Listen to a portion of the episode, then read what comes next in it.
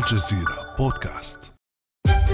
That the United States is back and democracy سوف نوضح أن الولايات المتحدة قد عادت وأن الديمقراطيات تقف معا لمواجهة أصعب التحديات والقضايا الأكثر أهمية بالنسبة لمستقبلنا.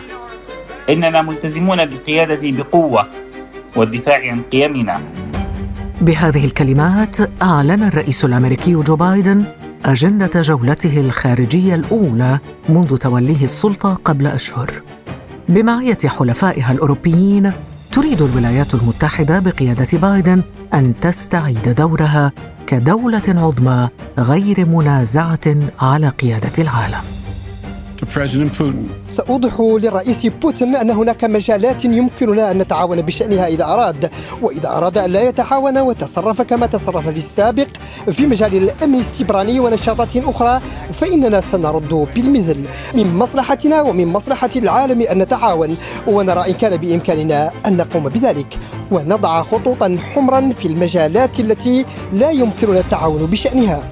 خلال أسبوع واحد طرح الرئيس بايدن التحديات التي تمثلها الصين وروسيا في قمة السبع الاقتصادية وقمة الناتو العسكرية.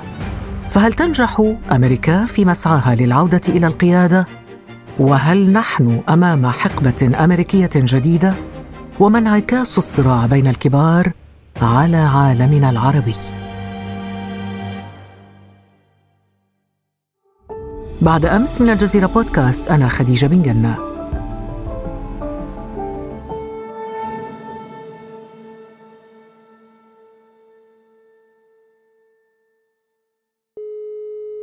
وأسعد اليوم باستضافة الدكتور لقاء مكي الباحث الأول بمركز الجزيرة للدراسات. أهلا وسهلا بك دكتور لقاء. مرحبا ست خديجة. دكتور لقاء مكي ما الذي يعنيه الرئيس الأمريكي جو بايدن عندما يقول إن أمريكا عائدة لقيادة العالم. نعم. ربما يكون هذا الشعار هو المناقض تماما للشعار الذي طرحه الرئيس السابق ترامب أمريكا أولا. هو شعار ترامب كان يتحدث عن الوطنية الأمريكية بمعنى الانكفاء الأمريكي إلى الداخل والانسحاب من الكثير من التحالفات الخارجية.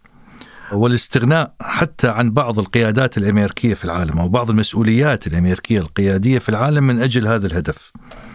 هذه العودة التي طرحها شعار بايدن كانت محاولة لامتلاك زمام الموقف القيادي مرة ثانية لا سيما مع الحلفاء الغربيين في أوروبا بشكل خاص بعدما كان هناك جفوة كبيرة خلال عهد ترامب تمثلت بانسحابات أمريكية من عدة منظمات واتفاقيات دولية وأيضا كان هناك جفوه على صعيد عمل حلف شمال الاطلسي الناتو الذي تتولى فيه الولايات المتحدة مهام قيادية وبالتالي كانت هذه أول خطوة في إدارة بايدن الجديدة بعد حوالي ستة أشهر من توليها البيت الأبيض أول خطوة من نوعها في طريق تحقيق هذه العودة إنجاز التعبير.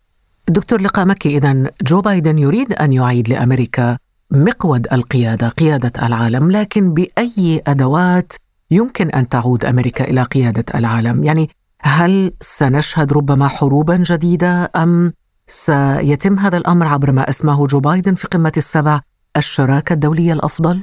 التحديات اللي تواجه أمريكا في الواقع في زمن ترامب هي تقريبا نفسها في زمن بايدن. لكن المقاربات المتعلقة بالمواجهة وأساليب المواجهة ربما تختلف. الاثنان كانا يتفقان أو يتفقان على أن الصين تمثل التهديد الأساسي. وهذا ليس حتى في عهد ترامب حتى قبل في زمن أوباما وربما قبل هذا. كان هناك شعور بأن الصين تمثل التهديد القادم للولايات المتحدة. وبايدن أو ترامب عفوا حاول يحارب الصين بنفسه يعني من خلال الولايات المتحدة وبعض الحلفاء الآسيويين لا سيما كوريا الجنوبية وجزئيا اليابان. أما بايدن فهو ينظر إلى الأمر على أنه حرب كونية وليست مجرد حرب إقليمية داخل المنطقة الآسيوية. ولذلك هو يستعين بحلفاء الغربيين، هذا من ناحية، من ناحية ثانية بايدن يدرك أيضا أن الأمر لا يتعلق بالصين وحدها. بل يجب تحييد قوة أخرى وأبرزها روسيا. لم يكن ترامب على هذه الدرجة من الحساسية تجاه روسيا. على حساسية أنها مهمة إلى هذا الحد وطبعا هناك اتهامات بعلاقته مع بوتين ولكن هو كان ينفي هذا. عموما محاولة تحييد روسيا تحتاج حكما إلى أوروبا وتحديدا إلى حلف الناتو. كي يستطيع أن يذهب إلى الصين وآسيا شرق آسيا وهو أكثر حفاظا على ظهره من روسيا. ولذلك نرى عودته القوية إلى حلف الناتو بهذا التصور على أساس أن لديه حلفاء سيحمون ظهره في إطار مواجهته مع الصين. طيب هل هذا الكلام يعني أن قمرة القيادة قيادة العالم كانت فارغة حتى تخرج منها أمريكا وتعود مرة أخرى؟ هي قضية القيادة الكونية أو العالمية في الواقع مرت بمراحل وكانت ثنائية الأقطاب حتى عام 90 أو 91 لما انهار الاتحاد السوفيتي أصبحت هي بعد حرب عاصفة الصحراء الحقيقة تحولت إلى أحادية القطب بقيادة الولايات المتحدة ولكن هذا الواقع بدأ ينهار في الواقع بعد عام 2000 العولمة وانتشار التقنيات الرقمية غيرت واقع العالم بشكل جوهري ولم تعد أمريكا قادرة على السيطرة على المتغيرات الجديدة في إطار خروج الأمر من سياق السيطرة التقليدية على العالم من خلال الاقتصاد أو السلاح. الصين تمكنت من امتلاك زمام الموقف بشكل جاد خلال السنوات العشرين الماضية وسيطرت على الاقتصاد أصبحت الآن القوة الثانية اقتصاديا في العالم. وطبعا هذا يؤهلها أن ممكن تصبح القوة الأولى في المستقبل.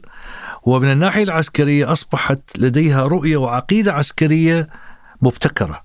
لم تعد الصين مرغمة على دخول سباق التسلح الذي أدى بالاتحاد السوفيتي إلى الانهيار في الحرب الباردة مع الأمريكان لأنه لن تستطيع اللحاق بهم، الصين مثلا عندها حامله طائرات واحدة، أمريكا عندها 11 حامله طائرات، فبالتالي هذا لا يمكن الوصول إلى في المدى المنظور. لذلك هي تفتش عن آلية جديدة للحروب. لا تعتمد على القدرات الهائلة وإنما على القدرات التقنية، التكنولوجيا، وهذا بالإمكان تحقيقه. هل هذا ما يفسر قرار الإدارة الأمريكية عفوا بسحب العديد من قواتها من مناطق كثيرة في العالم؟ في الحقيقة هذا أيضا جزء جوهري من طبيعة التكتيكات الأمريكية الجديدة في العالم الأمريكان لديهم موارد محدودة يعني مهما كانت عالية وقوية وكبيرة ولكنها تبقى محدودة. وهم في إطار إعادة تنظيم الاستراتيجية أو العقيدة العسكرية لهم الاستراتيجية العسكرية على الصعيد الكوني وبسبب أن الصين تمثل التهديد الأكبر. أو هكذا يرون. لابد أن يعيدوا تنظيم قواتهم الدفاعية بشكل آخر يعني بشكل يستجيب لهذه المتغيرات. ولذلك سحبوا ثمان بطاريات باتريوت من الشرق الأوسط مؤخرا.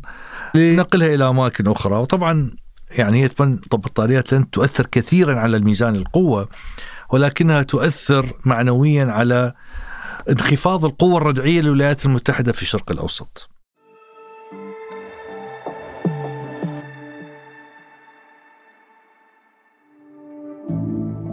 ابقى على تواصل مستمر مع الجزيرة بودكاست ولا تنسى تفعيل زر الاشتراك الموجود في تطبيقك لتصلك الحلقات يومياً.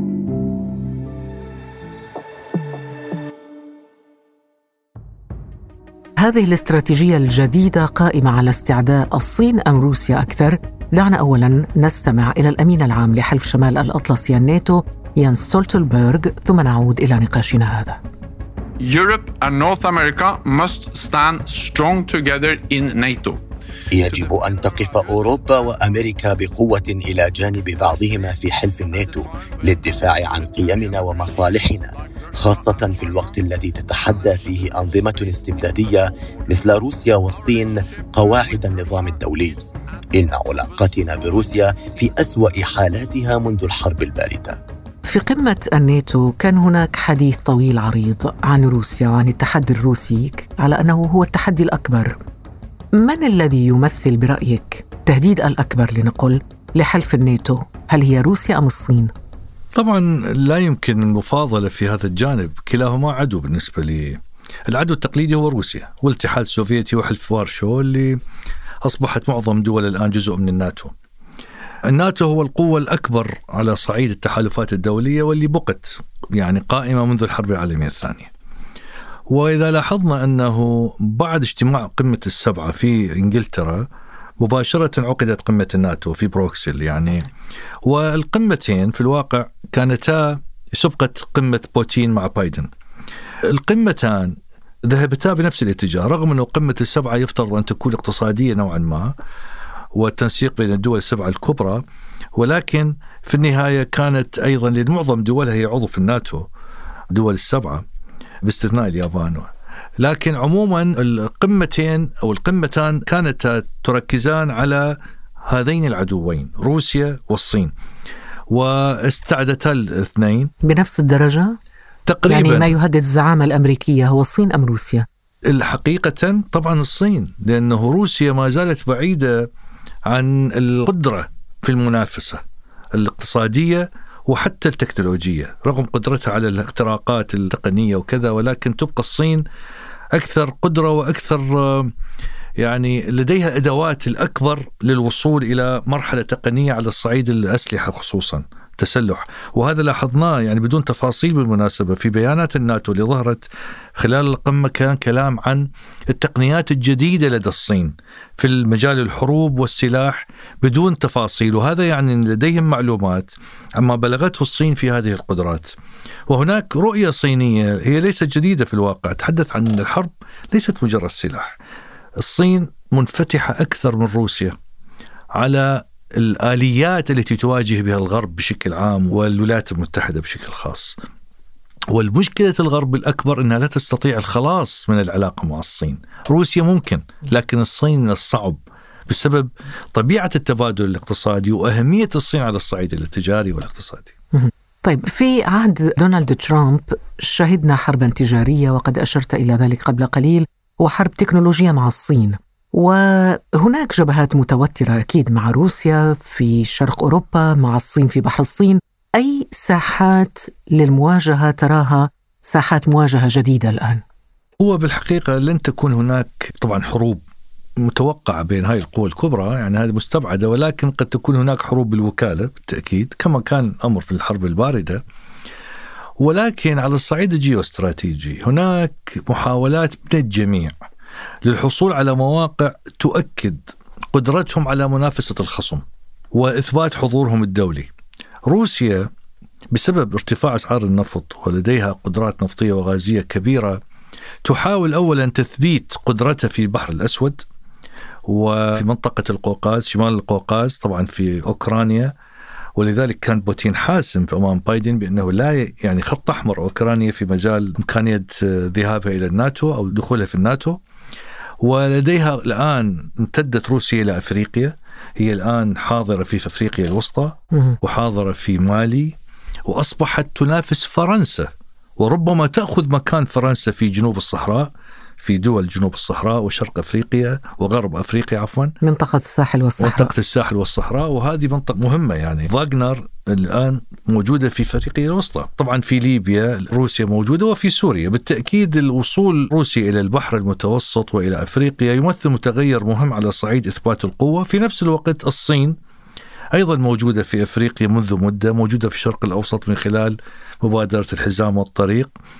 الصين وروسيا يتقدمان بقوة لكسب مناطق جديدة. ماذا عن الشرق الأوسط؟ الشرق الأوسط يتنافسان وروسيا كما أشرنا موجودة الآن في سوريا بشكل قوي جدا. وأظن أنها حتى في الخليج يمكن أن تقيم علاقات قوية لديها في السودان كلام عن قاعدة روسية تقل... أليست تقليديا تابعة للولايات المتحدة؟ يعني الولايات المتحدة بدأت بالانسحاب يعني الولايات المتحدة لم تنافس روسيا في سوريا. بل تركت لها العنان يعني اكتفت بجزء بسيط في شرق سوريا. حقيقة الولايات لكن المتحدة على الأقل في منطقة الخليج العربي الخليج تقليديا تابع ل يعني قريب أو متحالف مع الولايات المتحدة لكن حتى هذا أيضا يمكن أن يتغير. حتى هذا. إذا م... لصالح روسيا؟ لصالح أي طرف. لأنه بالحقيقة أمريكا لن تعود مهتمة. هي بالحقيقة إذا كان لديها هناك عنصران يهمانها في المنطقة النفط والإسرائيل. فالنفط سيبقى لها يعني لن يشربوه. وإسرائيل, وإسرائيل أصبحت صديقة أصبحت صديقة لمعظم الدول وطالما أمن إسرائيل يعني محافظ عليه من قبل روسيا أو الصين بالتأكيد لا روسيا ولا الصين يعاديان إسرائيل فلن تكون الولايات المتحدة منزعجة. أما إيران فالآن هناك اتفاق نووي سيعقد واحتمال اتفاقيات أخرى معلنة أو غير معلنة. ستطلق يد إيران في المنطقة من خلال الموافق على أي شيء بشرط أن لا تنافس إسرائيل على مناطق النفوذ. يعني إسرائيل آمنة في المنطقة سواء كان النفوذ أمريكيا روسيا أم صينيا. الأمن مفهوم نسبي. يعني في الحرب الأخيرة في غزة بدت أنها ليست كذلك لكن لم يهددها دولة هددها تنظيم مسلح اللي هو حركة حماس. بالتالي التهديدات لا قد لا تأتي من دول كما هو المنطق المفترض. لكن لا روسيا ستسمح بتهديد أمن إسرائيلي بشكل جدي ولا الصين بالتأكيد. طيب التنافس بين ثلاث قوى عظمى أمريكا، الصين وروسيا على منطقة الشرق الأوسط، ألا يكون في النهاية يعني في صالح العرب، في صالح المنطقة العربية أن تكون هناك رؤية للاستفادة من خلاف الكبار؟ إذا كانت هناك قدرة على فرض هذه الرؤية وحتى على الأقل كان هناك قدرة على التحليل. المشكلة أنه ما زال البعض متعلق بإهداب أمريكا ويعتقد أن بقائها أزلي وهو سخر كل إمكانياته وقدراته في أن أمريكا هي من تدافع عنه وليس أن يجد لنفسه قدرات الدفاع عن نفسه أو يجد لنفسه قدرات على التحالف أو بناء تحالفات تدعم موقفه. والتحالفات ليست بالضرورة مع قوى كبرى. التحالفات يعني تركيا مثلا؟ تركيا باكستان هذه الدول الإسلامية الكبيرة والمهمة. باكستان توفر غطاء نووي مثلا. مم. تركيا توفر غطاء العلاقة مع أوروبا وغطاء عسكري مهم وتكنولوجي. لكن إحنا يعني يعني محاور محاور النفوذ الإقليمي تدور حول إيران تركيا وباكستان؟ للأسف بسبب الخلافات العربية العربية وعدم وجود مشروع واضح المعالم والاعتماد على الولايات المتحدة التي لم تعد تكترث بالمنطقة حقيقة. بالتأكيد هناك دول بدأت تبرز على حساب الدول العربية وأبرزها تركيا وإيران. وحتى الأثيوبيا بالمناسبة يعني أثيوبيا اللي ظلت مستكينة لسنوات طويلة أصبحت تنهض من جديد من خلال سد النهضة الآن اللي يمثل عنصر خطير على الأمن القومي المصري والسوداني. فبالتالي نحن لدينا تحقيق لمبدأ بنغوريون القديم في مبدأ ما يسمى ما يسميه شد الأطراف، أطراف المنطقة العربية من خلال هذه الدول المحيطة.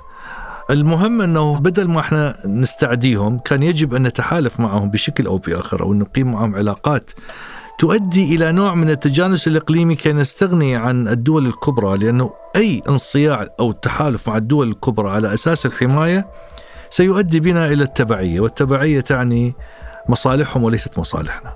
ولكن البديل هو التبعية لطرف إقليمي. ليس بالضرورة الدول العربية لديها القدرات أن تكون طرف في تحالفات متوازنة ومحترمة. لكن حينما تكون متحالف مع قوة كبرى لديها أجندات مختلفة بالتأكيد لن تكون هناك توازن لن يكون هناك توازن في مثل هذه العلاقة. شكرا جزيلا لك دكتور لقاء مكي الباحث الأول بمركز الجزيرة للدراسات. شكرا جزيلا. كان هذا بعد أمس.